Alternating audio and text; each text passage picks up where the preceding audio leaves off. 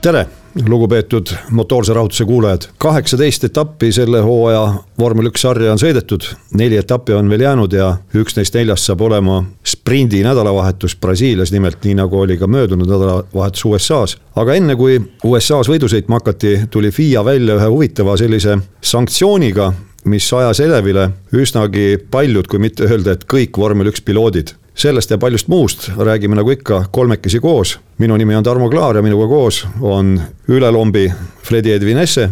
mina see olen, tervist. ja minuga ühes ruumis või mina temaga ühes ruumis, Toomas Vabamäe. tere, tere, meie tõesti istume taas stuudios, kus seina peal on punane kiri Õhtuleht. ja see intrigeeriv sissejuhatav lause või fraas, mis mul oli, puudutab siis äh, FIA uut sanktsiooni, et võistlejaid võib hakata trahvima trahvimääras üks miljon, kas see oli dollarit või eurot. ja see tekitas päris korralikku hämmingut sõitjate hulgas, sellepärast et siiamaani see suurim trahvimäär oli kakssada viiskümmend tuhat. ja senise ütleme ajaloo jooksul ei ole veel mitte kedagi sellise trahvimääraga sanktsioneeritud, kõige rohkem on määratud viiskümmend tuhat dollarit ja viimati oli see siis Kataris Lewis Hamiltonile selle eest, et ta läks üle raja sel ajal, kui võistlus käis ja seegi siis tõmmati nii-öelda maha pooleks, et pool pidi ta kohe ära maksma põhimõtteliselt ja pool on siis nii-öelda tingimisi. ja hämming on siis selles, et sanktsioon on nagu kirja pandud, aga mille eest, seda mitte keegi ei tea. kui te seda uudist lugesite, mehed, kui lugesite ja kuulsite, mis mõtted teil peas tekkisid? ma olen seda väljendanud võib-olla aastate jooksul mõned korrad, aga minu arvates vormel üks trahvid on väga madalad ma jälgin siin Põhja-Ameerika sporti, noh eelkõige NBA-d ja siin äh, ma olen maininud ka seda, kui, kui sa kui NBA mängija ütleb pärast mängu, et kohtunik oli paras till või midagi, siis ta saab mingi seitsekümmend viis tuhat dollarit sellest trahvi. võrdleme sellega, mis Hamilton, selles ei ole midagi, pea, peale selle isikliku kahju võib-olla või ka, kannatuse, mida see kohtunik saab, et tema kohta till öeldi, siis ega seal muud ei ole ja, ja enamasti isegi need, see ei lähe nii äh, vulgaarseks, vaid äh, mängija või äh, treener ütleb midagi, et kohtumine oli mõjutatud kohtunike poolt ja selle tõttu siis saab hiljem trahvi. Hamilton kõndis üle üle raja, mis on ohtlik, eks ju, selle, selles me võime kokku leppida, on olukordi, kus saadetakse autosid välja niimoodi, et rattad lendavad alt ära ja keegi võib tõsiselt pihta saada, haiget saada, eluohtlikke vigastusi äh, endale saada, nii et selles olukorras vist antakse kuskil kümme tuhat eurot või midagi sellist võistkonnale. Ja need ei ole määrad, mis võiksid äh, või reflekteerivad neid, äh, ütleme seda raha, mis ringleb vormel ühes piisavalt. Ja see võiks olla oluliselt suurem. see, et nüüd sõitjaid kas keegi tõesti miljon trahvi saab, ma väga kahtlen selles, see on, see on eraldi teema, aga kui nad äh, tõesti oma käitumisega äh, on ära teeninud trahvi, siis minu poolest see võiks suurem olla küll, Hamiltonile viiskümmend tuhat, ma ei, ma ei, ma ei tea, kas see registreerib tema pangakontol või mitte, on, on ka sõitjad, kelle, kes pigem maksavad, eks ju, ja saavad mingi äh, taga, tagant ukse kaudu endale palka nagu mingi strollid ja, ja sergeant'id, midagi sellist, võib-olla ka Perez, ma ei ole kindel, ilmselt mitte. siis äh, neile jah, võib see midagi rohkem kuigi Perez teenib hullu raha, aga sergeant'ile, neile võib see midagi mõjutada aga teised sõitjad, äh, Alonsod, Hamiltonid, Verstappenid, neil ei registreeri selline summa mitte kuidagi, et, et see peaks suurem olema.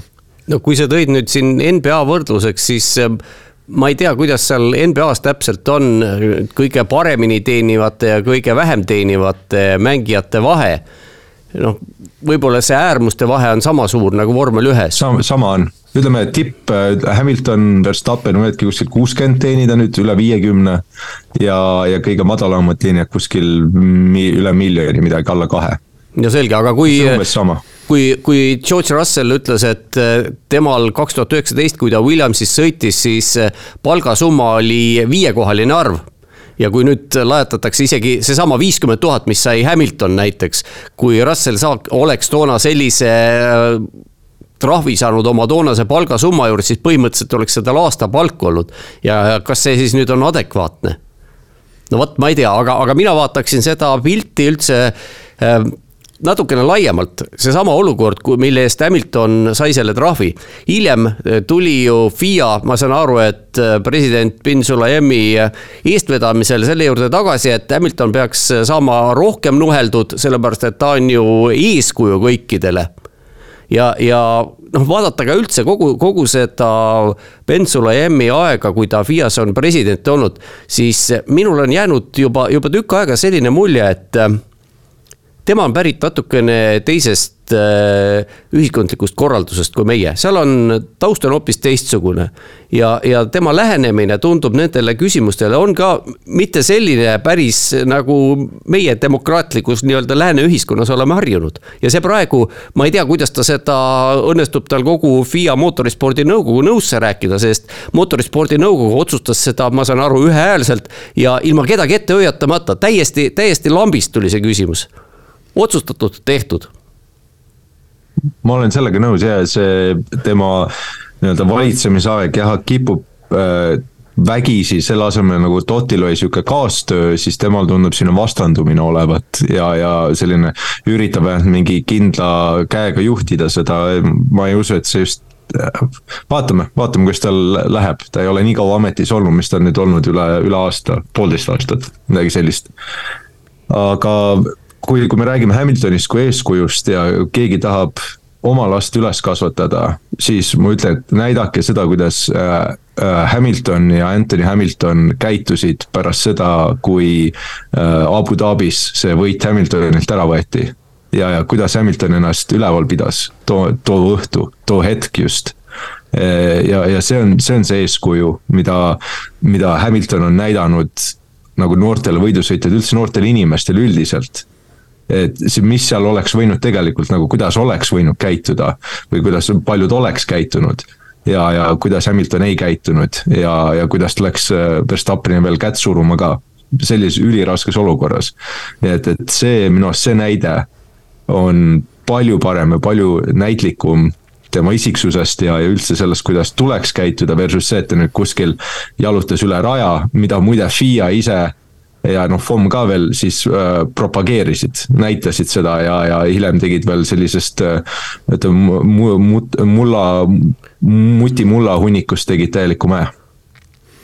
aga minu mõte on siin see, et äh, hea küll, te määrate karmimad trahvid, aga mis see ajend on ja mis on need kriteeriumid, mille eest ne, ütleme, eelkõige kriteeriumid peavad paigas olema ja see ongi, mina saan aru, seda segadust tekitanud, et äh, ega siiamaani ka väga, väga täpselt ei ole määratletud, mille, mille eest siis see kakssada viiskümmend tuhat võiks määrata, ma tulen tagasi selle juurde, mis toimus kahe tuhande seitsmendal aastal, kui mina väidan jätkuvalt, et täiesti põhjuseta McLaren Mercedese võistkond sai sada miljonit dollarit trahvi.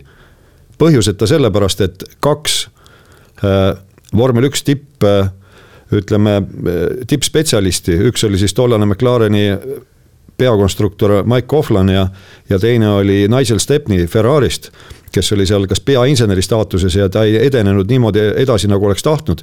ja kui õigesti mäletan, nad tahtsid oma äh, know-how'd müüa hoopiski Hondale ja siis vahetasid seal informatsiooni ja midagi lekitas seal Alonso. aga mitte midagi noh, ei leitud tegelikult McLareni Äh, peakontori arvutitest või kusagilt ja määrati sada miljonit dollarit, see oli maine kahjustamise eest, samal ajal, samal aastal leiti Renault, kui õigesti mäletan, üheksast arvutist, üheksast arvutist Renault äh, konstruktori büroos. McLareni autojoonised, tollase aasta joonised. Ja Renault'ga juhtunud mitte midagi aga see rahatrahv, mulle tundub, et ongi, see on meelega tehtud niisugune karistus, mida saab üsna suvaliselt omatahtsi määrata. no just ja, ja, ja praegu selle, selle ülemmäära suurendamisega põhimõtteliselt ainult võimendati seda. noh, me võime sellest karistustest ju igasuguseid asju rääkida. George Russelli järjekordne väljastpoolt rada möödasõit. mis talle kasu, tegelikult ju neto, neto kokkuvõttes kasu tõi. jah, ma tahtsin selleni ka jõuda, et äh, teadlikult minnakse reegli rikkumise peale, sellepärast et see kari-, karistus on seda väärt.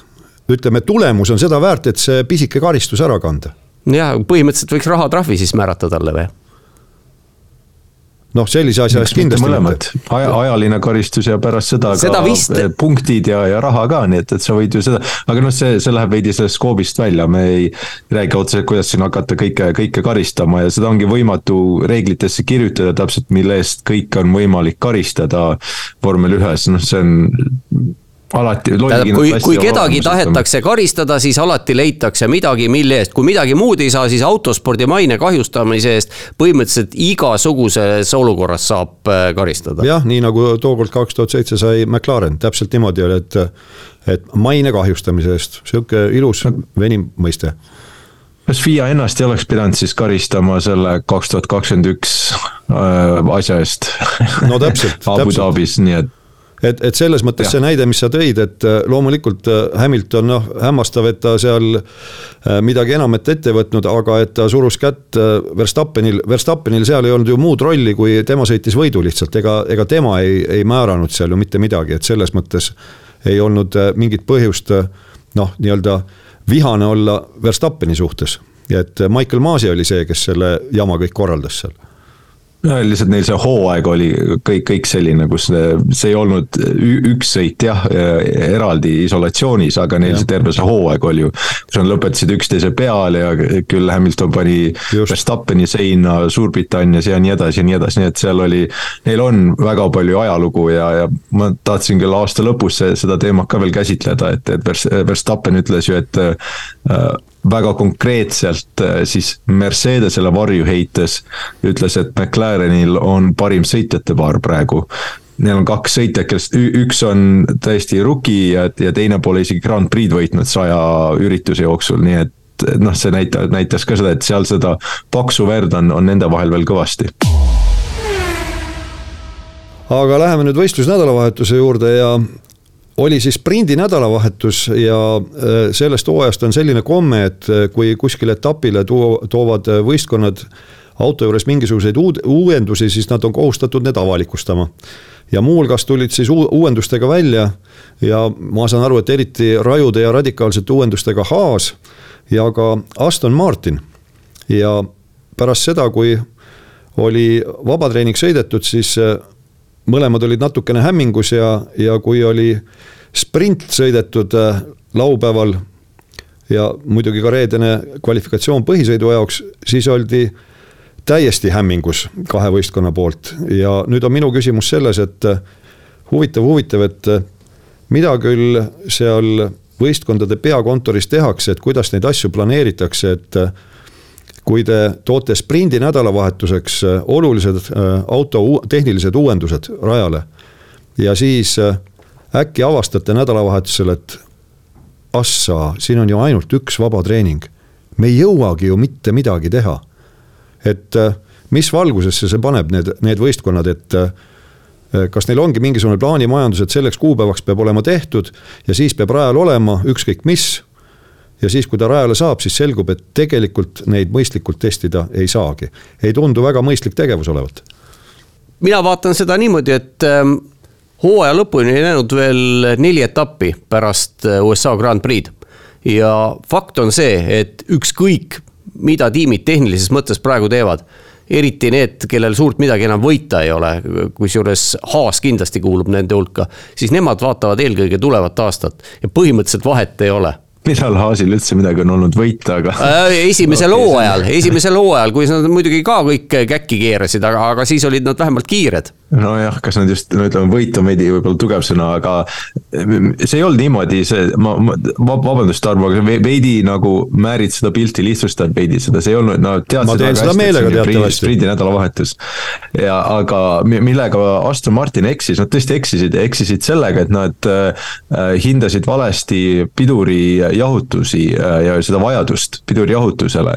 ja mõlemal, nii Alonsol kui ka Strollil olid tõsiseid probleeme esimese vaba treeningu ajal.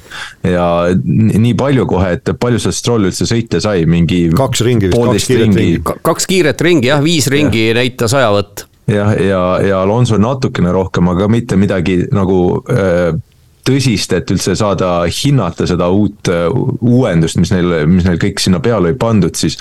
Ja see oligi, see oligi, põhimõtteliselt tähendas, et kogu nende nädalavahetus oli läinud sellega, sest kohe tuli minna kvalifikatsiooni ja seal sa enam midagi seadistada e-, ega muuta ei saa, sest Park Fermesse läheb kõik ja seetõttu oli ka see äh, otsus, mis nad siis äh, laupäeval vastu võtsid, et mõlemad autod stardivad boksi teelt ja nad sätivad need korralikult üles.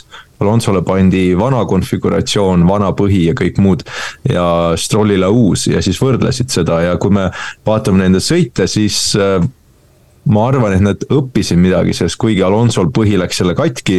ja, ja sealt ei ole kindel, millal tal läks ja kui, kui palju see siis mõjutas, noh lõpuks me saime aru, et see mõjutas päris palju tema, tema tempot. aga sellele vaatamata tundub, et Aston Martin vähemalt sai mingigi arusaama eh, sellest uuest nagu uuendusest, paketist ja palju see neile aega andis või ära võttis, sest tegelikult kui me vaatame seda, Stroll sõitis uue paketiga, siis ta oli mingi üle neljakümne ringi oli sõidetud, ta oli mingi neli sekundit ainult Alonsost maas. et, et äh, ma ei mäleta, millal üldse oleks olnud äh, võib-olla Barcelona tuleb esimese asjana, kui Stroll oli Alonsost ees noh, Alonsol oli seal põhi ka katki jälle. aga et see oli vist viimane enam-vähem kord, kui mina mäletan peast võttes, et äh, Stroll ja Alonso olid nii lähedal üksteisele sõidus. ei, see, see kõik, su jutt on õige, aga lihtsalt äh, mind paneb hämmastama see, et võistkonnad ise tulevad selliste seisukohtadega välja, et noh, kuidas öelda, sealt õhkub hämming, et et põrgu päralt, et noh, nii vähe jäi aega, et noh, me ei jõudnudki nagu midagi proovida ja sama kehtib ka selle sprindisõidu kohta, milleni me ka jõuame, et. et kui on teada ju, et esimesed kaheksa saavad sprindis ainult punkte. ja siis sa vaatad seda rehvi valikut, millega minnakse sprinti sõitma, siis mina ütlen, et noh, hämmastav küll, aga müts maha Ferrari ees, et huvitav, kas see oli nüüd jälle äh, Sainzi isiklik otsus või et nemad olid ju sprindisõidus ainsad, kes jagasid taktikat, kes läksid mingisuguse teistsuguse lahenduse peale.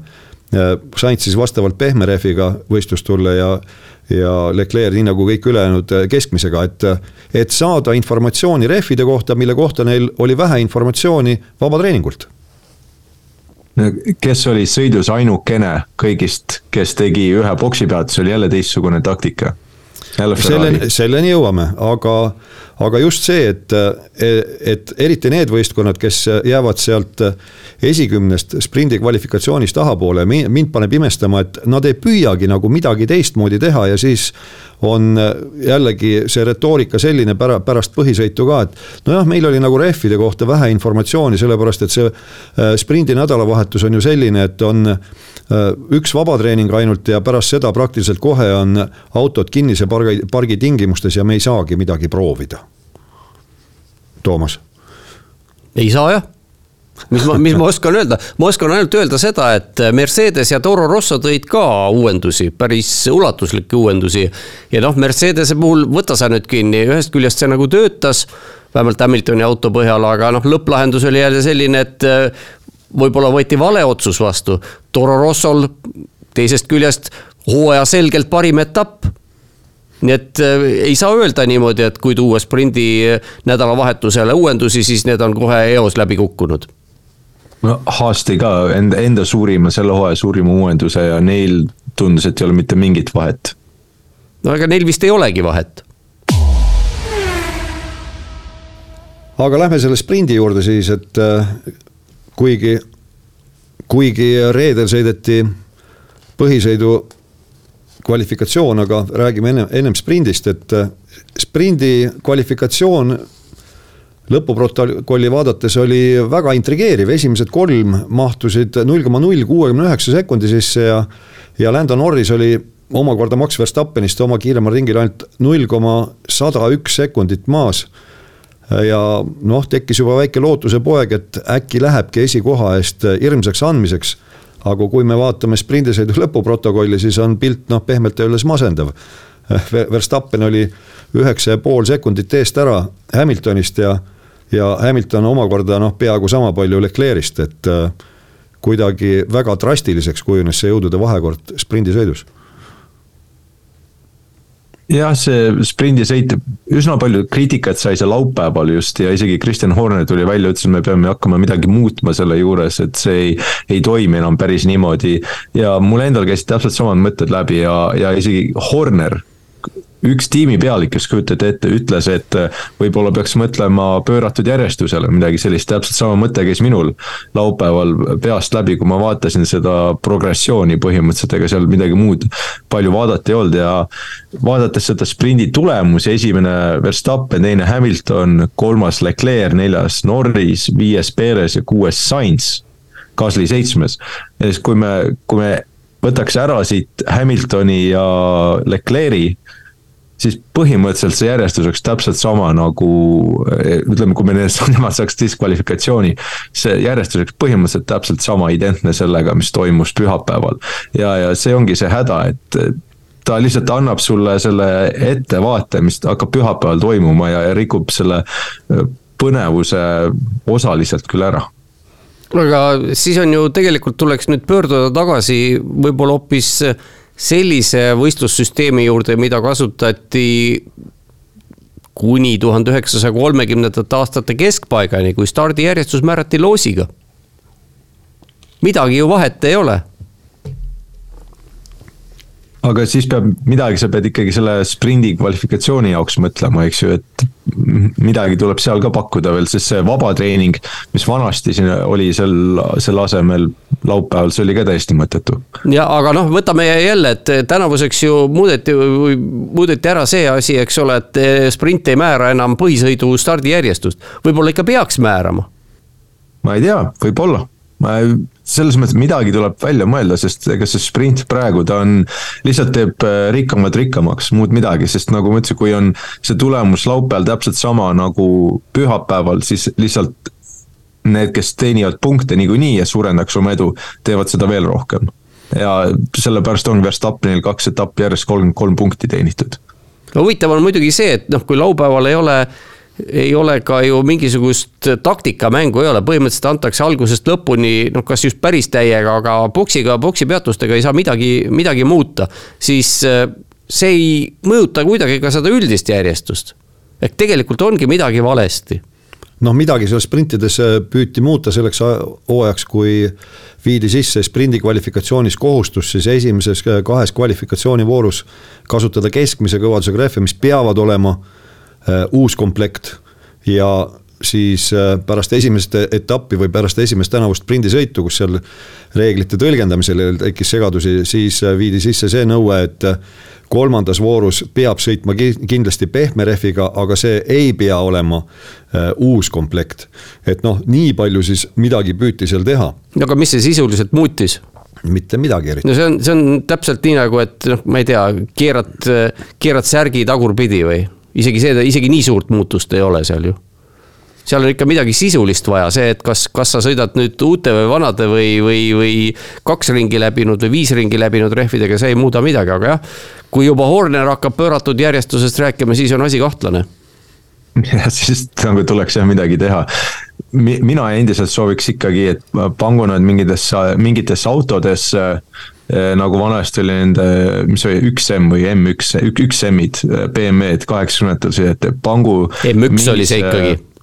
M1 oli M1, M1 ja üks M oli hiljem ja see oli ju see, ühesõnaga, et nad paneks mingisse ühesugusesse autosse kõigil sõitjatel sama võimalus neljarattalise peal kuskil, mis ei ole vormel üks.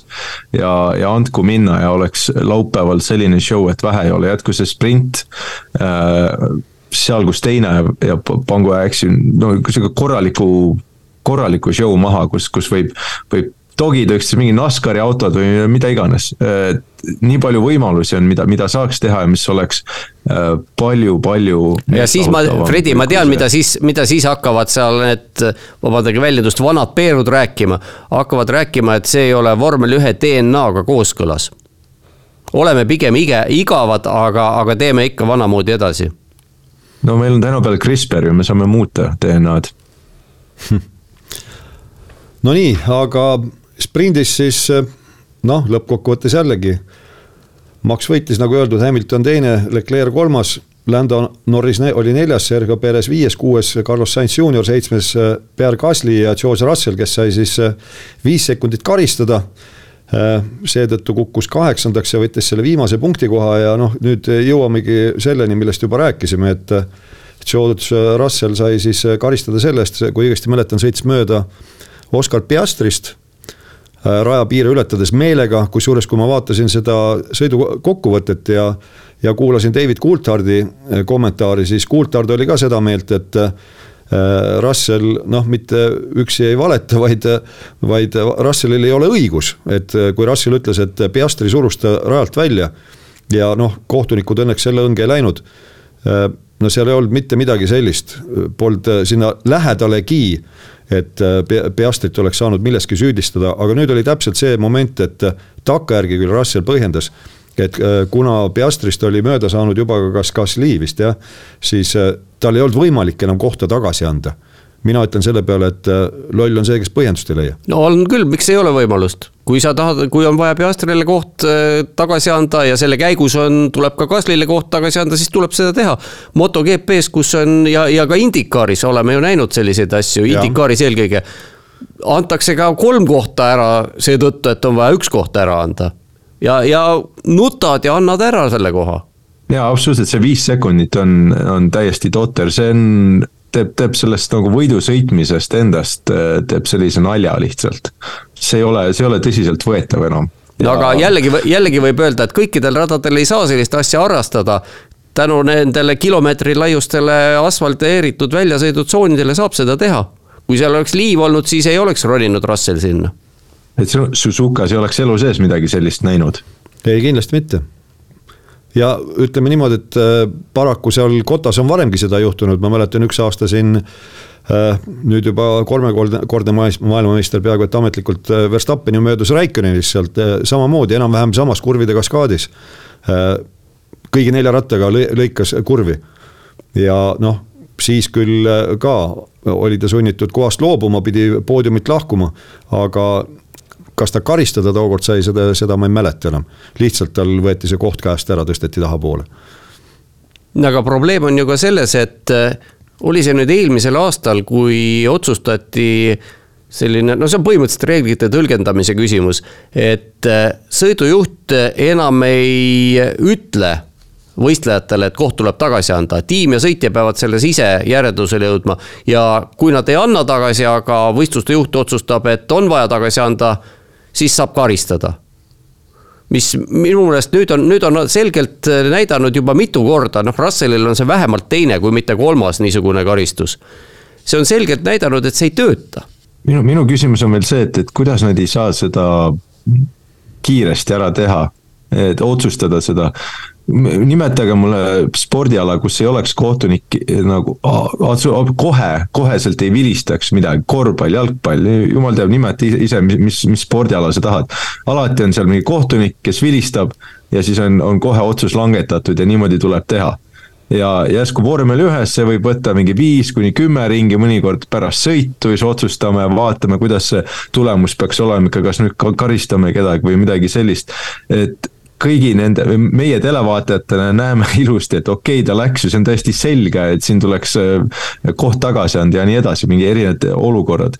Äh, kus on see tulem või ütleme, see karistus nii-öelda jutumärkides peaks olema ka kohe selge aga ometi läheb FIA-l aega seda jumal teab kui kaua. ja, ja see lihtsalt, see rikub ka nii kaua sõidu ära ja siis Russell ütlebki, ma ei saanudki kohta tagasi anda nojah, see on ilmselt on püüdlus vähendada vigade hulka, mis tooks endaga kaasa negatiivse tagasiside publikult, aga paraku on tegelikult ju olukord selline, et need vead tulevad niikuinii. ja need tulevad rängemad ja seetõttu see negatiivne tagasiside on ka oluliselt negatiivsem ja rängem, kui ta muidu võiks olla jah, just nimelt ja, ja, ja see, mis sa, Fredi, räägid, et minu jaoks on ka hämmastav, et äh, tegelikult äh, nende tehniliste lahenduste juures, äh, milleni on tänapäeva tsivilisatsioon jõudnud ja vormel üks on ju tippude tipptehnika spordis. kui võistkondadel, hea küll, ma saan aru, et nad on kommertsettevõtmised ja, ja ühest küljest kõik sõltub ka sponsorite olemasolust, aga ega see FIA ja FOM nüüd eelkõige ka nii, nii vaene ei ole. et saab ju panna küll jälgima neid, neid kohtunikke, minu pärast ongi kakskümmend, igal kohtunikul on kohustus jälgida kaameratest oma sõitjat Neid nimetatakse faktikohtunikeks, sellised kohtunikud on täiesti olemas ja nende otsused ei ole vaieldavad aga kas nad on iga sõitja kohta eraldi? ei, muidugi mitte, ma ja. lihtsalt räägin, et põhimõtteliselt, põhimõtteliselt, põhimõtteliselt selline amet on olemas ja. ju igasuguses mootorispordis. just sul ei pea isegi sõitja kohta olema, sul võib olla, mis iganes, sul võib olla iga mingi rikkumise kohta oma, oma kohtunik või midagi, midagi sellist, ühesõnaga lahendusi on seal palju ja FIA taaskord, kes räägib siin sõitjate karistamisest, võiks, võiks taaskord jälle peeglisse vaadata, ise midagi teha, sest ma endiselt ütlen, et nagu kui, mis nende roll siin on muidu? FOM saaks ise kõik selle tehtud, see ei ole, see ei ole nii raske töö. Jah, täpselt täpselt sama meelt ja, ja nüüd siis hüppan selle põhisõidu kvalifikatsiooni juurde, mis oli reedel. ja seal kvalifikatsiooni võitjaks osutus äh, Charles Leclerc ja, ja sel põhjusel, et äh, kõige kiirem ring, äh, mille sõitis Max Verstappen, kustutati, see oli küll ainult viis tuhandikku parem kui Leclerc'il, aga mis siis. ja seal tekkis nüüd jälle seesama teema, mis oli kahe tuhande kahekümne esimesel aastal küll sellisel leigemal kujul. et minu meelest ka, kas oligi pärast esimest vabatreeningut või võõbati Austini rajal kolmes kurvis. väli, välisraja kurvist väljakiirenduse alal siis välisraja valge joon noh, praktiliselt kaks korda laiemaks. et anda võimalus sõitjatel püsida raja piirides, mis asi see nüüd siis on? Et äh, sõitjad võivad ju kurta igasugu asjade üle, et äh, see rajapiiride reegel on naeruväärne ja kõik. aga no laseme siis kõik reeglid vabaks, võib blokeerida, võib äh, kaassõitjat rajalt välja sõita, pole vahet, kust sa sõidad. lõikad või sirgeks kurvi, ei sõida S-i läbi, sõidad S-i otseks. et noh, minu meelest FIA hakkab nüüd ka natukene liiga palju nii-öelda järeleandmisi tegema no põhimõtteliselt äh, Michael Maasi on tagasi, ütleks ma, või, või hakkab juba nurga tagant välja hiilima vaikselt sest see oli tõesti nüüd noh, kui me mõtleme, et äh, anti sinna kümme sentimeetrit juurde, no mis siis? mis takistas selle eelmise kümne sentimeetri sees olevast ja, ja tehti need jooned kümme sentimeetrit laie äh,, sentimeetrit laiemaks. karistusi jagati ikka, karistused tulid ka sõidu ajal mitu sõitjat sai karistada rajapiiride ületamise eest. nii et äh, kokkuvõttes summa summarum mitte midagi ei muutunud, milleks seda siis vaja oli? jah, tehku siis nagu NASCAR, kus äh, minnaksegi sealt noh, see, see, mis on üheksateist kurv, välja, välja tulles sealt minnakse. võid seinani välja minna, kui tahad. vaevu ja vaevu keeratakse rooligi, võetakse sellise poognaga seda, et no tehku siis niimoodi. see kümne sentimeetri kaupa tõesti see joone laiendamine, see on totrus ja noh, mina väsimatult räägin seda, et minu jaoks on seda hämmastavam kogu see teema Äh, vormel ühes, et äh, need mehed ja noh, võib-olla kunagi ka keegi naine jõuab sinna vormel ühte. On ju kõik lapsest peale sõitnud auto ringrada kaardist alates täpselt samade nõuete, täpselt samade reeglite järgi. see ei ole mingi üllatus, see ei ole mingisugune vormel ühes tekkinud eripära, et äkki peab valgete joonte vahel sõitma. no vot, see on no,. me kõik, me kõik teame, et vormel üks on eriline jah, see on niimoodi, et kui sa, kui sa lased ikka, kui sa selle hambapasta korra tuubist välja pigistad, ega sa siis ikka mingisuguse väega sa seda sinna ikka tagasi ei topi. pead selle raja piirideks laiali määrima asfaldi peale. Nonii, aga kvalifikatsioonis siis äh, tänu sellele, et Verstappenil see kiirem ringiaeg kustutati, Charles Leclerc saavutas esikoha. Äh, teine oli Lando Norris, kolmas äh, Lewis Hamilton ja ja neljas siis äh, Carlo, Carlos Sainz juunior. viies Russell, kuues äh, Max Verstappen, seitsmes Pierre Gasly. ja kes see meil kaheksas oli? see on mul nüüd äh, mälulünk. Aga üheksas alles Sergio Perez, nii et kõik need jutud, et et Pereselt oodatakse ainult teisi kohti, noh, need on siis eelkõige Helmut Marko jutud.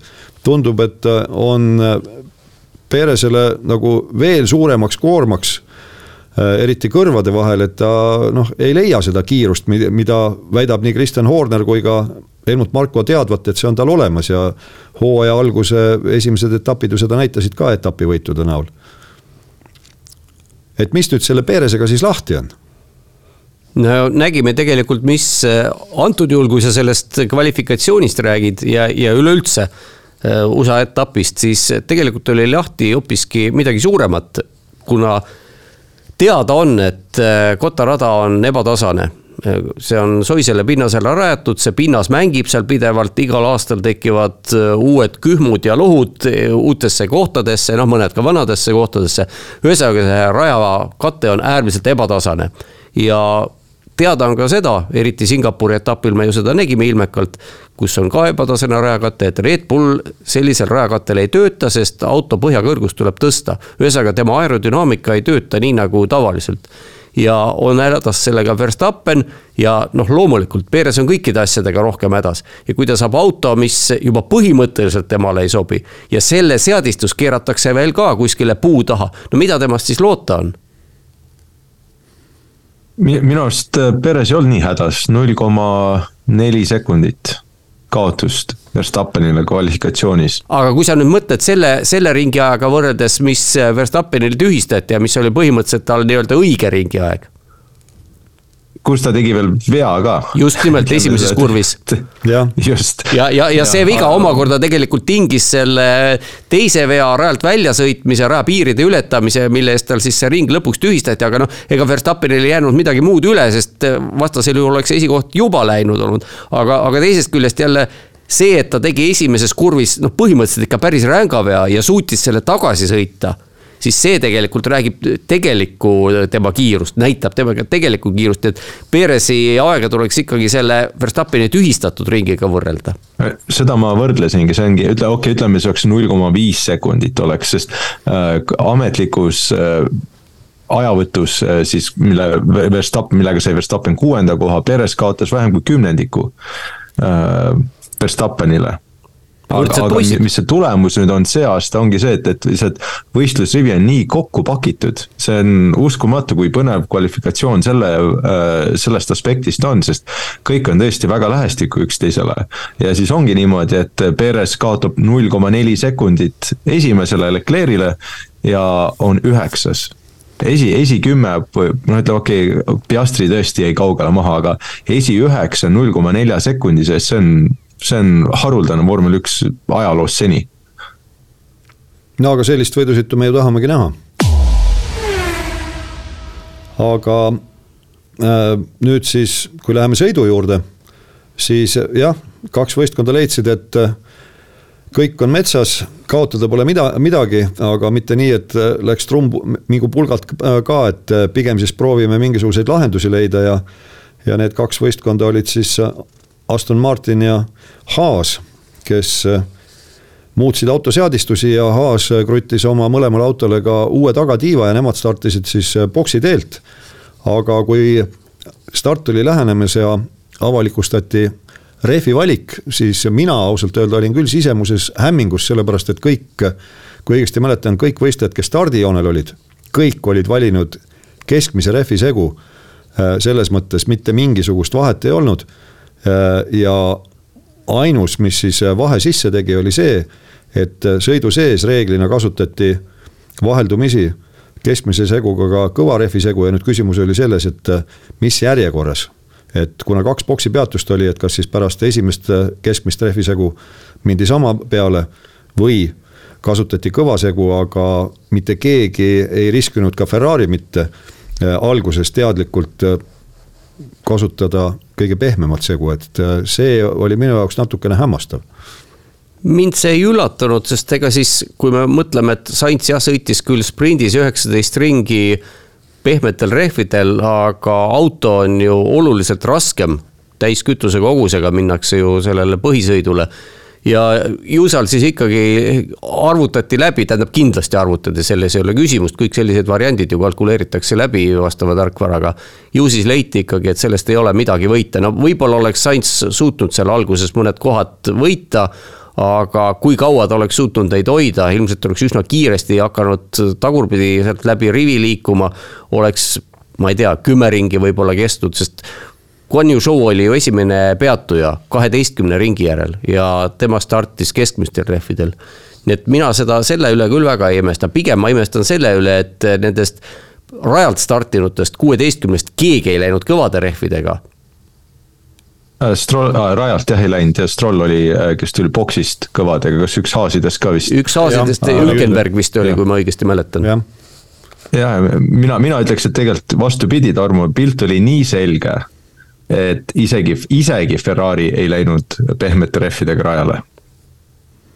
võib, võib ka sedapidi võtta muidugi aga. sest äh, Ferrari see taaskord lasti seal ka ülekandes meile ja mis seal oli jäänud, võib-olla mingi neliteist ringi oli jäänud ja nad küsivad Leclerc'ilt veel. aga mis sa arvad, kui teeks plaan C või äkki teeks plaan D? Ja Leclerc hakkas ju läks närvi juba selle peale, kui ma, ma teen juba plaan C-d ja mida, mida te räägite seal, et noh, see oli see on jälle noh, selline täiesti koomiline olukord, kus, kus äh, kuidagi Ferrari, ma ei tea, võib-olla tõesti David Coulthard ütles, et äkki see ongi, see tuleneb pigem sellest, et. Nad ei, nad ei, nende kodukeel ei ole inglise keel ja et neil ongi nagu raskem toimetada inglise keeles, et see kukub nii, nii hädiselt välja, aga vaatad Red Bulli ja, ja mis Mercedes tegid, siis nagu seal. ei olnud selline, noh, ei ole sellist, see ei jää selline mulje, et midagi peab seal ikkagi olema, et need, see mulje Ferrari Äh, boksi ja üldse, üldse võitlus, võistlusstrateegiast on selline igal pool üle koha laiali ja, ja nad ise ka täpselt ei tea, mis toimub. ma tahtsingi selle Ferrari teema eraldi ette võtta, et äh, kvalifikatsiooni võitja Leclerc siis äh, lõpetas lõpuks finišilipu alt sõitis läbi kuuendana, aga pärast diskvalifitseeriti koos Hamiltoniga, sellepärast et põhi, põhja üks osa ei olnud nii, nii paks, kui ta peaks olema, oli ülemäära kulunud, aga ütles Fred Vasseur, et äh, nende arvutused näitasid, et olulist vahet ei ole, kas kaks või üks boksipeatust.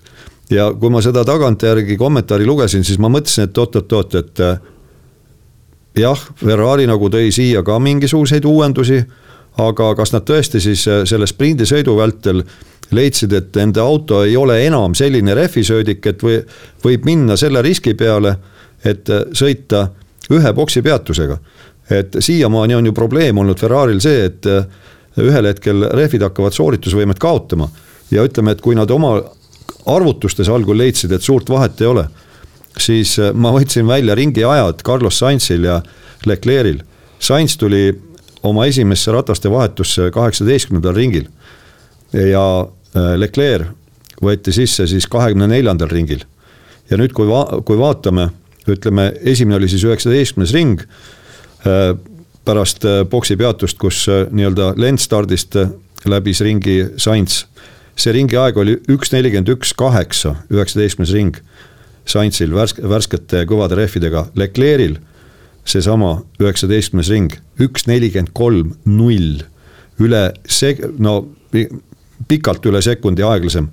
järgmine ring Leclerc'il juba üks nelikümmend kolm kaks Äh, Saintsil üks nelikümmend koma kuus. kas häirekellad ei löö või? aga ei löönud. et äh, jällegi, millega nende strateegia osakond tegeleb, minu jaoks täiesti käsitamatu. See oligi kõigile, keegi ei teadnud seda, noh, see on tagantjärele nüüd me räägime, eks ju, aga keegi täpselt ei teadnud, arvati, et see võib olla, et see on kuskil piiri peal üks, üks peatus, kaks peatust, et, et seda räägiti enne, enne starti ka veel oli sellest juttu. Ja Mercedes lootis, McLaren lootis, et nad saavad sellega hakkama ja, ja see F1 ametlik teleülekanne, kus Coulthard ja Hinchcliffe rääkisid ja nemad olid ka täiesti veendunud ja me Norrise raadiosidest saime ka aru, et McLaren lähebki ühe boksi peatusega, tol hetkel vaadates, kuidas veel Norris ja Hamilton sõitsid äh, teises vahetuses äh, kiiruse poolest võrreldes Verstappeniga, kellel olid äh, keskmised rehvid ja Norrisel, Hamiltonil olid kõvad, siis oligi täiesti, täiesti täiesti nagu uskumatu, et kuule, et, et ju Verstappen peab veel ühe boksipeatuse tegema ja siin pole, pole neil lootustki, et siis veel kukud üle kahekümne sekundi maha ja siis pead veel viiest autost mööda saama, et, et kas Norrisel ongi siin ju tundub, et võit on käes. ja, ja samamoodi nagu Ferrari ütleb, et arvutused jah, ma võin ise ka arvutada, kolm pluss kolm on kaks või, või midagi sellist. aga sa kogu aeg, sa õpid selle Grand Prix järel ja see või nagu sees ja sa saad targemaks ja saad oma mudeleid muuta pidevalt tänu sellele andmestikule, mis sisse tuleb. Ja millegipärast McLaren ja Mercedes muutsid seda arvutusi ja nad said aru, et, et ühel hetkel see lihtsalt kukkuski järsult ära, need kõvad rehvid, see on, mida Pirelli, mida me tahame tegelikult Pirellilt näha, et, et need rehvid ei lähe lihtsalt nagu ei äh, haju ära pika aja peale, vaid nad järsku lähebki üle nagu kalju ääre, kukuvad ära ja siis sul ei olegi enam mingit kiirust nendes. ja täpselt see juhtus ja, ja McLaren teadis, et see juhtub ja see tuleb ja tõid Norrise enne Verstappenit isegi boksi Äh, nende kõvade rehvidega viimaseks vahetuseks panid, panid uued rehvid alla. ja, ja Hamiltonil samamoodi, Mercedes saigi aru ja see oli, me võime jõuda selle juurde, aga see oligi Mercedese lõpuks äh, see kaotus, eks ju, miks nad selle Grand Prix tõenäoliselt äh, ära viskasid või selle võidu noh, me räägime diskvalifikatsioonist eraldi veel. aga oligi see, et nad olid ju neli sekundit oli Hamilton enne äh,, eespool Verstappenit enne esimest boksi peatust. ja nad lihtsalt läksid nende, see esimese vahetuse pikendasid lootuses, et nad saavad ainult ühe boksi peatuse teha. ja, ja selle tõttu see neljasekundiline edu Verstappeni ees hajus täiesti ära ja muutus täitsa kaotuseks, vist oli seitse sekundit. kui Hamilton tuli välja pärast äh, Verstappenit, nii et see on nii palju asju, mis läheb sellesse ja Ferrari kuidagi laivis ei suuda mitte midagi arvutada või ma, ma ei, see on arusaamatu ikka. teised vähemalt, neil on mingi loogika seal taga, Ferrari'l minu arust see loogika on, vähemalt lonkab kolme jalga no Ferrari'l tegelikult mina väidan, et seekord oli see loogika täiesti olemas, kuigi, kuigi noh, omamoodi vigane, Ferrari nimelt sellel ühel ja ainsal vabatreeningul ei sõitnud üldse pikki otsi, järjestikuseid kiireid ringe Ferrari sõitjad äh, raske autoga ei teinud.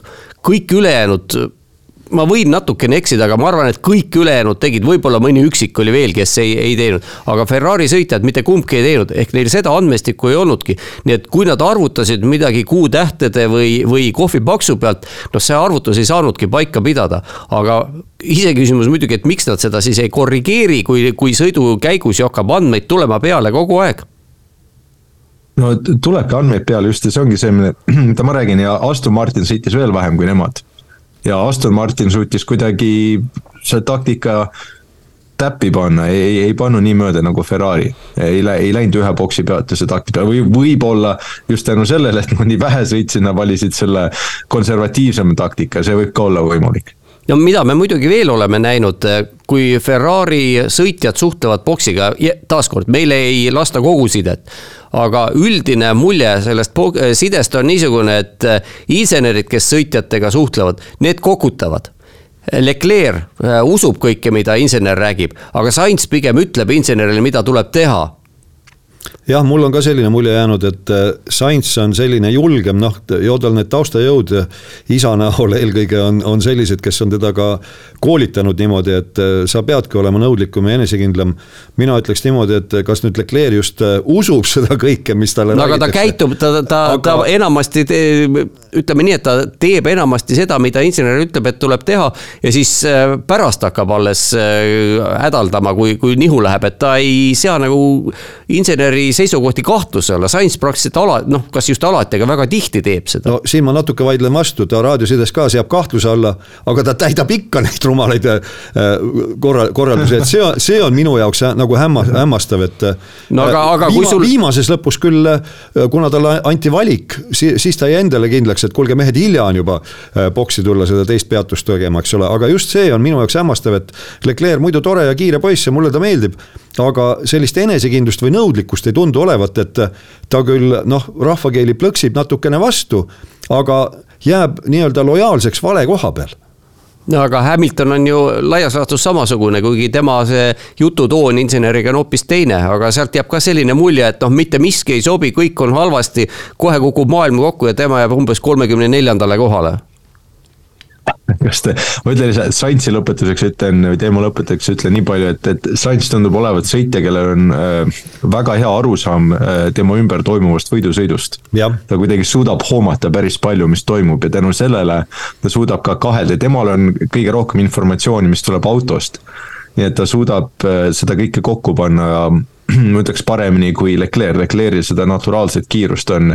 nüüd jälle, kui äh, Ferrari on oma uuendused toonud, äh, vist Suzukast ei tea, on jälle on see auto rohkem temale sobivam praegu ja see kiirust, noh vähemalt on nüüd selline pakett, millega ta saab seda kiirust paremini näidata, et jah, lihtsalt selline on see olukord, aga, aga mis, mis minu arust oli ka jälle hea näide seal raadiosidest ja kuidas Hamilton, Hamiltoni raadioside selle no, oma võistlusinseneriga Pete Boningtoniga käib ja, ja küsiti Hamiltonilt, et äh, kas sa saad veel viis, viis ringi sõita.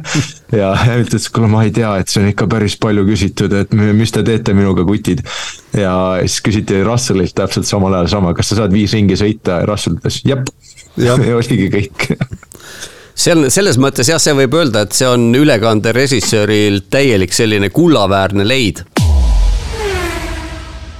aga kui me vaatame seda lõpuprotokolli ja noh, kõiki võistkondi eraldi ei pea analüüsima, aga lõpuprotokollis siis pärast karistuste kandmist, tõsi, Max Verstappen esimene, teine Lando Norris, kolmas Carlos Sainz, neljas siis lõpuks Perez, kes startis üheksandalt kohalt, Verstappen veel kord startis kuuendalt kohalt, aga Verstappenil oli sõitu läbivalt.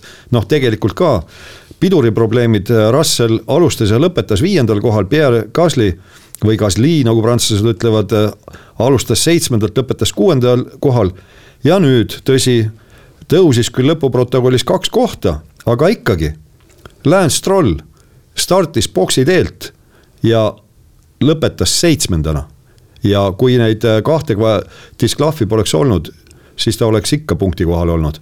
et äh, mingisugune taassünd Strollilt ja olgem ausad, ütleme selles mõttes see Aston Martin tegi midagi õigesti, välja arvatud siis, ma ei tea, Alonso auto põhjakinnitus et äh, nad olid ju mõlemad tegelikult punktidel sel hetkel, kui Alonso katkestas. et äh, selles suhtes äh, noh, tegi sellise väga jõulise tagasituleku tegelikult äh, Aston Martin pärast seda, kui nad olid Park Ferme reegleid rikkunud ja startisid boksi teelt no Alonso oleks pidanud olema, kui ta oleks lõpuni sõitnud, tõenäoliselt oleks ta Strolli ees isegi olnud. et tema tempo, tempo. ta oligi Strolli ees. ja, ja, no, ja no see ei olnud päris lõpp lihtsalt veel ja nad ta oleks tõi-. Gasly'ga vahet äh, tasa kogu aeg pärast oma teist boksi peatust ja oli mingi kahe sekundi või midagi sellist kaugusel ainult. ja tuli, tuli selgelt kogu aeg järele, järele, järele. enne, enne kui pidi katkestama ja Stroll püsis, Stroll võttis isegi Alonsoga seda vahet äh, veidikene äh, kinni. nii et Strolli poolt väga viisakas sõit ja ma arvan, et kui kui nad oleksid oma, ütleme tavakohtelt saanud startida kuskil esikümnes, siis äh, ilmselt Leclerc'ile oleks äh, isegi Stroll, mõlemad Aston Martinid oleksid ilmselt suutnud ära teha, kui oleks selline puhas võidusõit olnud. et äh, neil tundus, et oli seda enam-vähem kiirust, aga selgelt ikkagi Mercedesest ja, ja McLarenist maas ja, ja no Ferrari'ga, tegelikult Sainz oli päris hästi lõpus, ta oli Norrisest ka mingi neli sekundit ainult äh, lõpetas ka maas, nii et. et ilmselt lihtsalt sellest poolpidusest äh, strateegia pool, mõttes poolpidusest Ferrarist oleksid nad ilmselt ette saanud ilmselt küll, aga, aga veel kord, et äh, noh, mõlemad Haasid ja mõlemad Aston Martinid siis läksid võistlustulle ju erinevate rehvitaktikatega meelega ja noh, nagu näha oli, et no võib öelda, et summa summarum justkui vahet ei olnudki. et nad olid ju lähestikku, noh eel, eelkõige Aston Martinid ja, aga jällegi näitab seda, et võistkond ikkagi mõtles, et midagi proovida vähemalt teha erinevalt kummagi sõitja, sõitjaga, sest kaotada ei olnud enam mitte midagi. ja lõpuks nad võitsidki no see Aston Martini nii-öelda taassünd või kuidas me iganes seda nimetame, võib olla selline ühekordne välgatus. jällegi raja eripärade tõttu, kuna rada on ebatasane, autosid tuli kõrgele tõsta mõningaid teisi autosid mõjutas see rohkem kui Aston Martinit, nemad kaotasid rohkem sellest kui Aston Martin. järgmisel etapil võib see olla teistmoodi ja vaatame edasi siis, Strolli selja taga Yuki Tsunoda lõpetas kaheksanda, alustas üheteistkümnendalt kohalt. võistkonnakaaslane tal Daniel Ricardo kahjuks pidi rähklema seal mis ta oli siis piduri õhuvõtu noh ütleme riknemise tagajärjel tal oli aerodünaamika rikutud ja võistkond vabandas ka ta ees, et. et ta pidi sellise poolpiduse autoga sõitma ja seetõttu Ricardo noh, tulemuse ei ole tegelikult väärt ilmselt seda, milleks ta võimeline oleks olnud, aga Tsunoda selja taga siis ma ütleks, et Ricardo oli veel ainus peale Leclerc'i, kes oli ühe poksipeatuse taktikaga ja hiljem tuli vähemalt Alfa Tauril tuli mõistus koju ja andis, panid talle pehmed rehvid alla, sest oli selge, et noh, nii ei lähe edasi. kuigi Ferrari'le see lõpuks ei jõudnudki kohale, siis äh, vähemalt Ricardole pandi äh, pehmed rehvid alla kusjuures, kui ma õigesti aru sain, siis äh, Alfa Tauri võistluse sees mängis just ringi pärast seda, kui selgus, et auto on vigane seal Ricciardol, siis nad mõtlesid, et äkki ühe boksi peatusega sellise vigase autoga nad saavad parema tulemuse. aga mis Tsunodasse veel puutub, siis Tsunoda ütles, et ta pidi peaaegu äh, südameataki saama, kui võistkond ta eelviimasel ringil boksi kutsus, sest ta noh, ta mõtles, et mingi jama on. ta ei osanud oodata, seda polnud kunagi läbi räägitud, et võiks minna proovima kiiret ringi sõitma. ja seda ta siis tegi, nii et eelviimasel ringil sai ta pehmed rehvid alla ja paugutas selle kiire ringi viimasel ringil, millega tõi punkti, lisapunkti võistkonnale. ja, ja kellelt ta võttis kiire, kiirema ringi äh, au endale, Ricciardolt loomulikult jah, Ricardo oli ennem ja noh, kuna Ricardo esimkümnes nii ehk naa ei olnud, siis see punkt oleks lihtsalt raisku läinud, aga lõpuks Aleksander Albon ja Logan Sargent üheteise selja taga ja hoolimata sellest, et Albon sai viis sekundit karistada, siis nende ajaline vahe oleks olnud kuskil kuue sekundi tuuris. Nii et Sargent tänu neile disklahvidele jõudis ka siis punkti kohale ja ütleme niimoodi, et mõningas mõttes esimene selline päris kabe sõit hooaja jooksul Sargentilt võrdluses Alboniga no tal oli senine kõige parem tulemus oli ka vist kaheteistkümnes ja noh, Austinis ta ju sõitis ka kaheteistkümnendale finišijoone, aga jah startis ta ju ka tegelikult päris viletsalt kohal, noh, eks need äh, neli autot, eks need neli autot, mis seal tagapool olid, eks need aitasid ka teda natukene, aga, aga seekord tõesti ei paistnud ta mingite selliste halvas mõttes trikkidega silma nagu, nagu tavaliselt. Ja no sellist sõitu tegelikult Sargentilt ju oodataksegi, et ei ole vaja kuudega tähti taevast alla tuua, vaja on lihtsalt sõita see distants läbi niimoodi, et suuri vigu ei tee. sellest tuleb alustada, siis pärast vaatame edasi ja. ma ei, ma ei no., ma ei, ma ei ei olnud kuidagi veenev nädalavahetus minu jaoks Sargenti poolt. tõesti elasin kaasa tema teine kodupubliku ees sõit ja, ja ikkagi Austinis sõidetakse seda Ameerika Grand Prix'd või Ühendriikide Grand Prix'd, nii et, et ei olnud kuidagi, ta ei säranud ma ei säranud ka album millegi poolest ja sai veel jälle, sai jälle karistada viie sekundiga siis rajapiiride eest ja kui me võtame selle, et, et oleks äh, need, kes tema ees olid, äh, Alonso, Piastri, Ocon, kõik olid tema ees, katkestasid ja veel kaks disklahvi, disklahvi ka, siis ta oleks lõpetanud seitsmeteistkümnendana. nagu tavaliselt noh, aga, aga see, aga see. ta lõpetas kümnendana, oleks viieteistkümnes olnud jah. et, et ei oleks viieteistkümnes, noh, võib-olla veidikene keskmisest kõrgem, aga mitte midagi veenvat ja, ja seda kiirust kvalifikatsioonis tal ka ei olnud jah, selles osas ma olen nõus, et äh, kuni selle ootamatu kümnenda, heakene küll, kaheteistkümnes, kaheteistkümnes finiši koht oli tema jaoks ka tegelikult täiesti okei okay,. isegi kui see oleks niimoodi jäänud. Kuni sinnamaani kõik need eelmised sessioonid tõesti ta ei olnud millegagi silma paistnud. aga eks see outsideri tiimides ja Williams on praegu outsider, siin ei ole mingit kahtlustki siis nendel tegelikult ongi laias laastus ju tuleb lähtuda sellest, et ega muidu neid võimalusi ei teki, kui mingisugused väga erilised olukorrad ei sekku. noh, seekord olid erilised olukorrad, neli autot startis korraga boksi teelt, kaks tükki diskvalifitseeriti, siis katkestati. ja tuli olla õigel ajal õiges kohas ja Sargent seal oli, tasuks üks punkt kõik tegi õigesti, midagi ette heita ju ei ole. kas see nüüd kindlustab talle tulevaks aastaks ka Williamsi sõitjakoha, see on hoopis teine küsimus jah, juuksekarva otsas ta ripub seal praegu ja, aga nüüd need olid need siis, kes punktikohtadele jõudsid. kes oma sõiduga, kes tänu sellele, et kaks sõitjat diskvalifitseeriti, aga see diskvalifitseerimine nüüd on päevakorrale tõstnud omaette, noh, mina ütleksin, et isegi kaks teemat. üks, mis siin Briti ajakirjandusest vähemalt on läbi jooksnud, on see, et äh, miks äh, tehakse FIA poolt pistelist kontrolli, nimelt siis nii Hamilton kui, kui Leclerc diskvalifitseeriti selle tõttu, et nende auto põhja äh, konkreetse ühe osa paksus põhi oli liiga palju läbi, läbi kulunud ja kui ma õigesti aru sain, siis Leclerc sattus sinna piste, pistelise kontrolli läbi. ja nüüd on küsimus selles, on tõstatatud, et aga äkki keegi neist, kes ei läbinud piste, pistelist kontrolli, oli nii-öelda sama patune, oli selles mõttes, et põhi oli sama palju ära kulunud.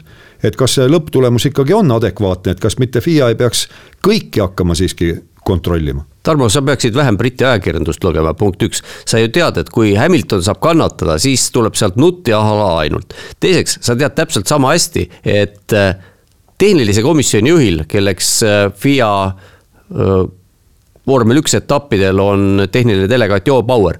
tal on õigus omal äranägemisel kontrollida ükskõik millisel autol ükskõik millist asja kas tal on mingisuguseid vihjeid, kas keegi on kuskile midagi sosistanud, on tal mingisugused objektiivsed mõõteandmed, mille põhjal seda teha, temal on see õigus. ja, ja kui keegi jääb vahele, oma viga.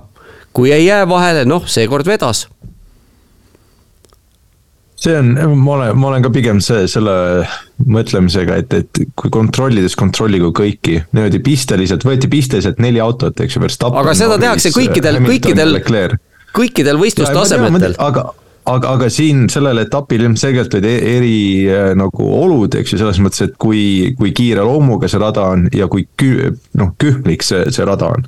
Need kaks asja mängisid ja, ja oli sprindi nädalavahetus ka, mis tähendas, et autod olid parkfermees palju äh, kauem. ja kui sa võtad valimi neli autot ja sellest pooled on äh, riku-, nagu vastuolus tehniliste regulatsioonidega, siis noh, kas see oligi ainult, kas juhtuski niimoodi, et ainult kaks autot siis juhtuski sellesse neljasesse valimisse, et kümnendik autosid äh, veerandi äh, võistlusrivi seas aga ma mina väidan, et. ma ei ole väga kindel. aga mina väidan, et Bauer ei valinud neid autosid sugugi juhuslikult. sest eelmisest aastast ja FIA-l on ju olemas, äh, mõõdetakse autode seda üles-alla kõikumist. seoses eelmisel aastal selle päevakorda tekkinud hüplemise või, või, või, või kuidas seda veel nimetati, iganes, porpoising inglise keeles. ja seda põhimõtteliselt mõõdetakse ja nendest andmetest ju on ilmselgelt näha autod, millel põhi käib rohkem vastu maad. kui sul põhi käib vastu maad rohkem, siis järelikult on sul põhjakõrgus madalam. järelikult see põhjaplaat, mis on puidust, see kulub rohkem ja kui sul auto, no see põhjaplaat ongi tegelikult ju pandud selleks, et äh, kontrollida või hoida, hoida mingisugustki kontrolli auto kõrguse üle, sest ei ole võimalik, liikuval autol ei ole võimalik seda kuidagi mõõta. ja teisest küljest, kui sul auto põhi on madalamal kui lubatud siis see annab tohutu eelise aerodünaamika osas, eriti praegustel autodel, millel ju suurem osa aerodünaamilisest suurejõust tekibki just sealt põhjaga. nii et selles mõttes kõik on õige, mina arvan, et muidugi britid loomulikult hädaldavad ja, ja kui oleks seal olnud Eesti sõitja, ju hädaldaksime meie ka, et a la meie Otile jälle tehti liiga, nagu, nagu rallijuttudes tihtipeale kuulda saime ma, ma olen sellega nõus, et, et see karistus peabki olema disklahv, see on juba pretsedendid olnud juba peaaegu kolmkümmend aastat ja selles ei olegi mustvalgelt kirjas, kui sul on vähem, seal, seal ei ole mingit halli tsooni, kui sul on vähem sellest, sellest paksusest, mis peab seal põhjal olema, sa oledki, oledki ametlikult diskvalifitseeritud, see on, see on kõik košer. aga see, et lihtsalt mind häirib see, et nagu niimoodi võeti ainult väga väike osa sellest võistlusrivist. miks mitte siis Russellit ja Sainzi ka veel kontrollida, eks ju, võistkonnakaaslasi. ja, ja nii edasi, et see kuidagi jätab sellise või, või siis kaarditi tõesti, et see tulebki täielik farss lõpuks Sargent oleks lõpetanud kolmandana ja, ja jumal teab, mis seal veel oleks juhtunud, et või olekski kõigile punkte olnud jagada, et me midagi seal, ma ei tea tahaks nagu paremat selgitust FIA-lt selle, selles osas, et miks, miks siis ainult eh, neli autot tõesti otsustati valida eh, aga kusjuures seda küll, ma arvan, et, ta meelega valis need, sest äh, siin ringles kohe üks foto ka, kus oli näidatud, mis, mis kurv oli, kas äkki üheksas, kus nad tulid. ja, ja tagant oli, oli foto tehtud ja oli Verstappen Hamilton ja Leclerc ja kuidas nende vedrustus ja põhi siis töötas sel hetkel. ja kuidas Hamiltoni ja äh, Leclerc'i tagant lõi kõvasti rohkem sädemeid ja samal ajal Red Bulli, Verstappeni Red Bulli tagant ei olnud mitte midagi sealt ei paiskanud välja, nii et ilmselgelt sa võidad, nagu sa ütlesid, Toomas, tõesti, sa võidad palju rohkem, kui auto on madalal. me nägime, et Hamilton oli oluliselt kiirem kui Russell nädalavahetust läbivalt, see võis ka olla põhjus aga, aga me ei tea, me, me ei näe Mercedese tiimi seas, nemad teavad, aga väljaspoole keegi ei tea, kas neil oli sama seade või oli Russell sõitis tõesti kõrgema autoga, mis ei kraapinud nii palju põhja. No just nimelt, et see on üks spekulatsioon, et Russelli tulemus oligi sellepärast kehvem, et aerodünaamiline pidamine oli kehvem seeläbi, et auto oli kõrgemaks seadistatud ja nüüd tulebki see teine probleem, millele siis on tähelepanu juhitud, et äh, omamoodi see oligi siis tingitud sellest, nagu sa ka Fredi ütlesid, et autod on kauem park fermee tingimustes ehk kinnise pargi tingimustes ja meie kuulajatele siis teadmiseks, et kui on see sprindi nädalavahetus veel kord, siis sellest hetkest, kui auto sõidab reedel kvalifikatsioonis rajale on ta kinnise pargi tingimustes, mis tähendab seda, et olulistest asjadest, seadistuse elementidest tohib muuta ainult esitiiva asendit ja rehvi rõhku, auto kõrgust, esi-tagaosa kõrguste vahet, rattakaldeid, ette-taha jookse, mitte midagi muuta ei tohi. teist tiiba panna ette-taha, panna ei tohi. Ja niimoodi on siis see auto kuni võistlusnädalavahetuse lõpuni, nii et kui sa reedel oled eksinud autoseadetega siis need valed seaded on sul nädala lõpuni. Ja üks väide siis oligi see, et. aga sa võid, ma täpsustan, et sa võid muuta neid, aga siis sa stardid boksi teelt, nagu tegid Astonid, nagu tegid Haasid, nagu tegi Alpine Bakuus, kui mäletad, oli sama asi neil. just jah, ja noh mina olen jauranud seda varemgi, et ausalt öelda minule meeldib, noh, kuna MotoGP on niikuinii mu esimene armastus, siis mulle meeldib palju rohkem see, nii nagu on jätkuvalt õnneks MotoGP-s. Sa võid võistluspäeva hommikul ka tsikli ümber seadistada, kui sa ikka oled kvalifikatsioonis puusse pannud ja ei toimi see ratas nii, nagu sa tahad, siis sul on võimalik äh, muuta. Ja varem, varasematel aastatel, noh, see on palju aastaid tagasi, nii ju ka oli. Ja mina arvan, et äh, see oleks hea lahendus tegelikult, sellepärast et äh, siis tuleks võib-olla palju huvitavamad võidusõidud ka, kui kellelgi on kvalifikatsioon millegipärast tuksi läinud, et see seade ei ole, ei ole olnud see mida on tahetud no ühest küljest minu meelest realistlikult oleks see teostatav, sest praegu ju niikuinii on ka tiimidel on ju tööaja piirangud, nad ei saa teha niimoodi, et äh, terve öö läbi autoga, auto kallal muudkui toimetatakse ja midagi seal ehitatakse, sellist asja ei ole tänapäeval enam võimalik teha.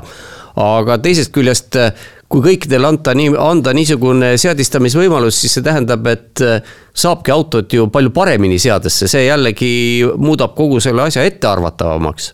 mängib show'le vastu kas mängib? ma, ma ka pigem olen, olen seda meelt jah, et, et see just sprint nädalavahetustel ka, et, et võidaksegi eksida, on, on vähem aega optimeerida asju et see muudab selle show veidikene huvitavamaks. no Singapuris. mida rohkem testitakse, seda rohkem nad on täiesti kindlad, mis töötab ja mis ei tööta ja seda kindlamalt joonistub ka paremusjärjestus ja kiiremini välja no Singapuris õnnestus ju Red Bullil eksida, aga vaatamata sellele, et oli kolm vabatreeningut, ei saanudki autot jooksma.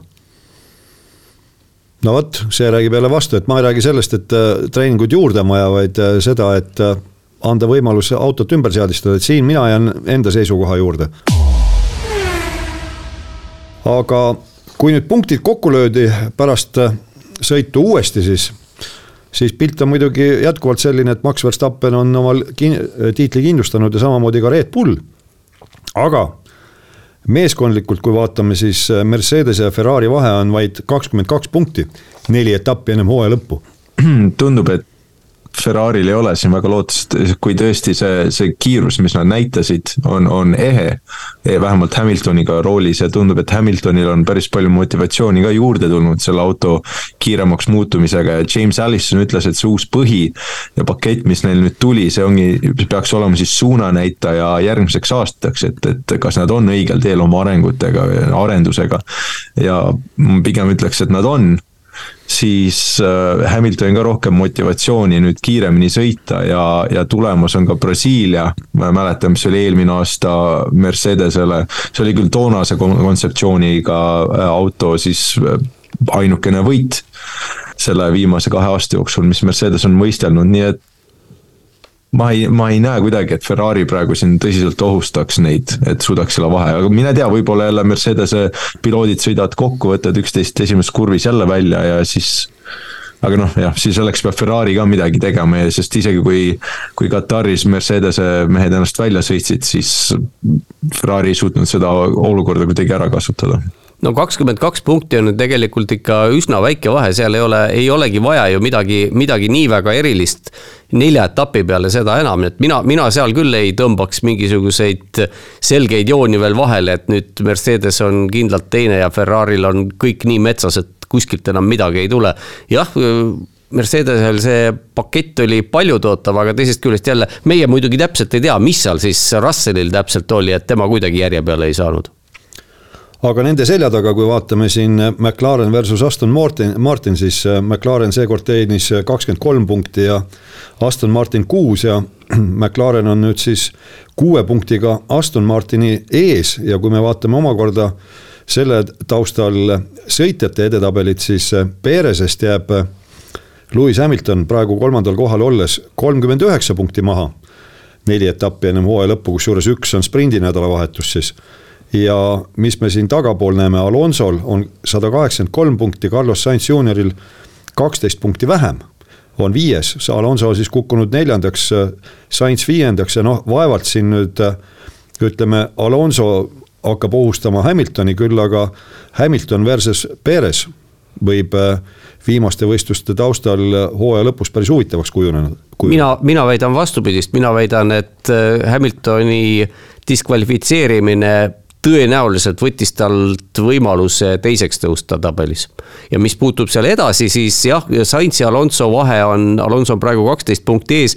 aga kui ma nüüd õigesti mäletan, siis Sainzi taga kaheteistkümne punkti kaugusel peaks juba olema Norris. ja kui me nüüd võtame, ma ei tea, võtame, vaatame, kui palju näiteks viimase viie etapi jooksul keegi on punkte teeninud. siis Norris võib ka Sainzile järele jõuda ja isegi miks mitte Alonsole jah, Norri, Norrise punktisaak viimasel viiel etapil on ikka väga muljetavaldav. ma, ma panekski praegu raha sellele, et Norris lõpetab Hamiltoni järel neljandana. tundub üsna realistlik, jah. sest McLaren on olnud stabiilne, kiire, punktid on kogu aeg tulnud, mingisuguseid väga suuri prohmakaid, noh, Piastri sel etapil jah, sprindis sõitis omal lihtsalt rattad alt ära sõna otseses mõttes ja põhisõidus Oconiga kokkupõrge esimesel etapil lõppkokkuvõttes jättis mõlemad pealtvaatajaks. lihtsalt ütle, ütleks, et kes oleks arvanud pärast Miami'd, kui Alonso oli järjest võtnud viisteist punkti igalt etapilt, et, et siis ta võiks, kui oleks tolle, tol hetkel öelnud, et Aston Martin lõpetab siin teises hooaja pooles võib-olla ühe poodiumiga ja äh, Alonso lõpetab äh, kuuendal kohal sõitjate arvestuses, siis seda oleks küll väga raske olnud uskuda. no Miami etapi järel. et, et Aston, et, et Aston kukub McLarenist tahapoole no see jah, see viimane, see oleks väga keeruline olnud oodata, aga noh, Miami etapi järel, kui mõtleme, et tolleks hetkeks Perez oli viiest etapist võitnud kaks, kui paljudel kvalifikatsiooni vist ka kaks korda vähemalt Saudi Araabias ja Miami's võitis jah, ja, ja, ja kus ta siis nüüd pärast seda on olnud? nüüd on tal Verstappenist üle kahe või laias laastus ütleme kaks korda vähem punkte jah, ja kui seda pärast viiendat etappi vaadata, et äh, Fernando Alonso oli olnud seal äh,. Palju tal siis oli?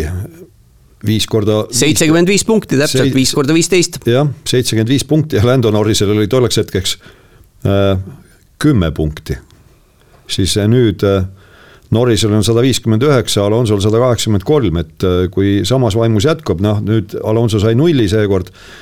Norris sai kakskümmend kolm punkti nojah, Alonso täiesti, täiesti realistlikult püütav, aga tegelikult see McLareni selline hooaja teine pool näitab, et isegi tänapäeval on võimalik, kui sa juhutumisi teed kehva auto, siis ikkagi on võimalik ka hooaja sees püüda konkurente kinni, ei ole täiesti lootusetu.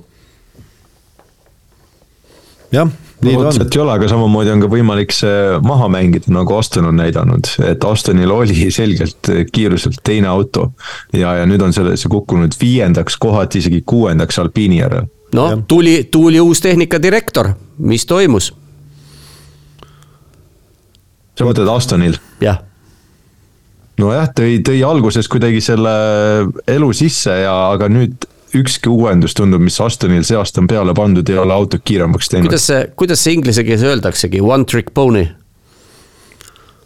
noh, võib, või võib-olla võib nii, võib-olla jah, või, või on neil ka mingid tuule, tuuletunneli äh, kalibreerimise probleemid, mis siin on teistelgi võistkondadel olnud, no ei tea no poole pealt sul ei lähe see järsku paigast ära niimoodi, sa ei, sa ei tee kiiret autot ja siis järsku ei hakka seda samas tuuletunnelis arendama aeglasemaks. No tundub, et Aston Martin on seda teed läinud praegu, kui niimoodi karikatuuris öelda.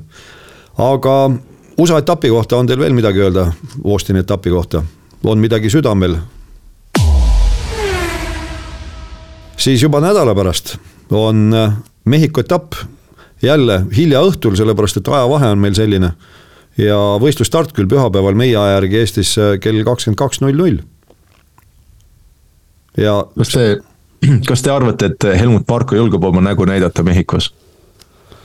no, no kui ta, ta paneb selle mõne sellise tüüpilise mehhikopärase maski ehk pähe. äkki keegi ei tunne ära? Paneb veel vunts, võlts vuntsika ette ja prillid, aga see või ütleme, paksema raamiga prillid kui muidu. Aga ei, ma ei ole kindel, kas ta läheb sinna, ta, ta, ta, ta isiklik turvalisus võib olla kompromiteeritud. no võib ohtlik olla jah, ikkagi lõunamaa mehed seal, latino vergi, veri. no ja, ja ega need tema ülesastumised nüüd ka Perezi teemal erilist au talle teinud ei ole, et nädala sees ju ütleme nii, et ega, ega väga uudiseid vormel ühes ju nädala sees, nädala võistluste vahel väga ei ole ja kaks nädalat oli ju paus ka, siis kistigi üles teema, et Horner püüab Markost vabaneda mida siis kohe Horner tikkus kummutama, aga noh, eks seal võistkonna sees võib muidugi neid vastuolusid üksjagu olla. ma ei, ma ei usu seda, sest äh, just ju äh, Marko avalikustas, kuidas see oli Kanadas eelmine aasta, ta no veetsid terve öö, kui, kui ta üritas veenda Hornerit jääma edasi Red Bulli ja ütles, et see läks talle maksma mitu tundi ja mitu miljonit rohkem. et, et äh, veenda, et Horner jääks Red Bulliga edasi, et mitte minna Ferrarisse, sest väidetavalt Horneril oli täitsa pädev äh, pakkumine Ferrari'lt laual, et minna Ferrari tiimi pealikuks ja, ja ma, ma ei usu, ma ei, kuidagi üldse ei usu seda pärast kõiki neid aastaid, mingi peaaegu kakskümmend aastat äh, koos töötatud ja et see ei. noh, aga uued väljakutsed ja ei, ma mõtlen, et, et see uus väljakutse, jaa, Markot välja peksta, ma väga kahtlen selles, et see ei, see ei, tiim ei ole niimoodi töötanud, et äh, ütleme, nemad kahekesi ei ole niimoodi töötanud, et nüüd selle, sellisel hetkel järsku nad oleks kuidagi tülli läinud ja, ja Horner üritaks teda kuidagi salaja välja peksta. Ja samamoodi nagu see suur Perezi äh,, mis ilmselt paljud kuulajad on, on juba näinud ka seda kuulujuttu, et Perez teatab Mehhikos, et ta läheb pensionile, no kõik, kõik sellised asjad kuidagi väga-väga palju ümber Red Bulli just, vist igavusest äkki, et nad on kõik tiitlid juba kindlustanud, järsku üritatakse teha mingeid kuulujutte, äh, olgu siis Perezist, Markost või millest iganes, et väga kuidagi tüütavaks muutub see nojah, kui uudiseid ei ole, siis tuleb neid välja mõelda, samamoodi nagu ringlevad mingisugused libauudised, et äh, Audi on loobunud juba vormel ühest. ja ükski, ükski selline tõsiseltvõetav, räägime siis ikkagi veebiajakirjandusest, veebiväljaanne ei ole neid millegipärast kirjutanud, et ikka on sellises kollase või, või kollase varjundiga kohtades või siis täiesti tühistes, tundmatutes aga ikkagi, et äh, see Mehhiko etapp tuleb ja noh, mina ütleks niimoodi, et kui tavaliselt tavatsetakse öelda, et äh, Monaco on asi iseeneses ja Mon-, Monza on asi iseeneses, siis tegelikult minu meelest ka Mehhiko on asi iseeneses. just seetõttu, et äh, ta asub nii kõrgel. no ta on jah, kõikidest radadest teistmoodi, kaks pool kilomeetrit ikkagi merepinnast ülevalpool, see tähendab, et tavaline mootor kaotaks seal umbes veerandi oma võimsusest, turboga muidugi see vahe nii suur ei ole aga no mida me oskame sealt arvata, mina arvan, et äh, Verstappen jõuab võitude arvult Alain Prostile järele. kusjuures me ei, maininudki seda Verstappeni viiekümnes võit. just nimelt, no kes ei jõuab lugeda, eks ole see, aga see ongi see viieteistkümnes see hooaeg. ehk see on ka rekordi kordamine, eelmise aasta, eelmise aasta rekordi kordamine ja et, et see, see läheb ka nagu, nagu totter, noh, mitte et midagi tahaks ette heita või midagi sellist, lihtsalt see on äh, selline nagu olukord, nagu praegu on, et lihtsalt viisteist võitu, mis paljudel juba karjääri jooksul võib-olla oli saavutatav, ega vaatame, et siin paneme neli veel juurde Verstappenile, üheksateist ühes hooajas. kas Damon Hillil, Miga Häkkinenil, Kimil oli kuskil kakskümmend üks, kakskümmend kaks vist karjääri peale. mitu maailmameistrit koos, Buttonil ammu juba vähem, eks ju, Buttonil vist äkki mingi kolmteist, neliteist või midagi sellist võitu. et, et see on jah, see on kuidagi hoopis teine maailm, kus me elame nüüd ja kuidas see statistika käib. Ma tahtsin Austini kohta veel ühe asja Verstappeniga osas öelda, et minu arust oli lihtsalt nõme kuulda seda äh, puutumist seal, kui Verstappen äh, poodiumil läks ja, ja kõik, ma eeldan, et see enamus tuli nendest Mehhiko äh, fännidest või midagi sellist ja, ja kuidagi ja Hamiltoni fännidelt ka, et, et äh, lihtsalt kahju ja, ja nõme, nõme sellist äh, käitumist äh, näha, nii et looda, et vähemalt keegi meie kuulajatest või eestlastest ei tee midagi sellist, et, et lähed poodiumile kedagi puutavad seal, et see ei, see ei ole kuidagi viisakas käitumine no jaa, aga hea, et nad vähemalt tribüünidel omavahel kaklema ei lähe, erinevad äh, sõitjate fännid, nii nagu ühe, ühes pallimängus tihtipeale on, noh, pärast seda, kui mäng on läbi või ka mängu ajal. nojah, eks seda puutamist, puutamist on mujal ka olnud, ega me ei saa, ega ei saa öelda, et ei ole ka teiste sõitjate, noh, Hamiltoni suhtes eelkõige just sellistes oranžimaa varjundiga tribüünide juuresolekul toimunud. aga, aga jah, selles osas muidugi on õige, et see on, see on nõme, seda ei ole kellelegi vaja ja see ei tee kellelegi au. jah, aga see, seekord inimloomuses on, et kellegi poolt äh, ollakse ja kes rajumalt, kes, äh, kes leebemalt. aga igatahes nüüd äh, nädala pärast sõidetakse järjekordne etapp ja, ja kahe nädala pärast veel järjekordne, nii et praegu on selline kolmeetapiline tsükkel, kolm nädalavahetust järjest, siis tuleb nädal pausi ja viimased kaks etappi sõidetakse jällegi järjestikustel nädalavahetustel. nii et. tulete Vegase sõiduks siia ikka, eks ju kuhu siia, kus, kus see siin on? sa ei ole ju Vegases. No, no mis siis, et Ameerika, Ameerika on, Ameerika on suur ja lai. isegi sina oled Vegasest, ma ei tea, kui palju, viissada kilomeetrit või? blablabla, äh, viissada miili äkki jah no võib-olla isegi, no vot, see tähendab, et kaheksasada kilomeetrit ka suhteliselt kaugel, eks ole, aga mis asi on kaheksasada kilomeetrit Tallinnast näiteks, mõtleme. linnulennul, noh, Poola piir umbes või, ei, kaugemale isegi. kaugemale jõuab, jah. kaugemale isegi no,. siit on seitsme tunniga olen, olen Vegases veidi pingutada, motivatsiooni on, siis on, saab ka kiiremini. no aga kas see pileti hind motiveerib? No ma mõtlesin, et teie toote selle raha. ahah, no teeme veel mõned saated ja siis Kas... äkki tõesti, jah just, küsige, küsige Õhtulehelt raha, palun. igatahes Austini jutud on nüüd räägitud ja juba nädala pärast on hoopis teised jutud ja nädala pärast siis nii-öelda tavapärane vormel üks nädalavahetuse formaat, nii et seniks kuulmiseni, kõike head. nautige sügist kõike paremat, kuulmiseni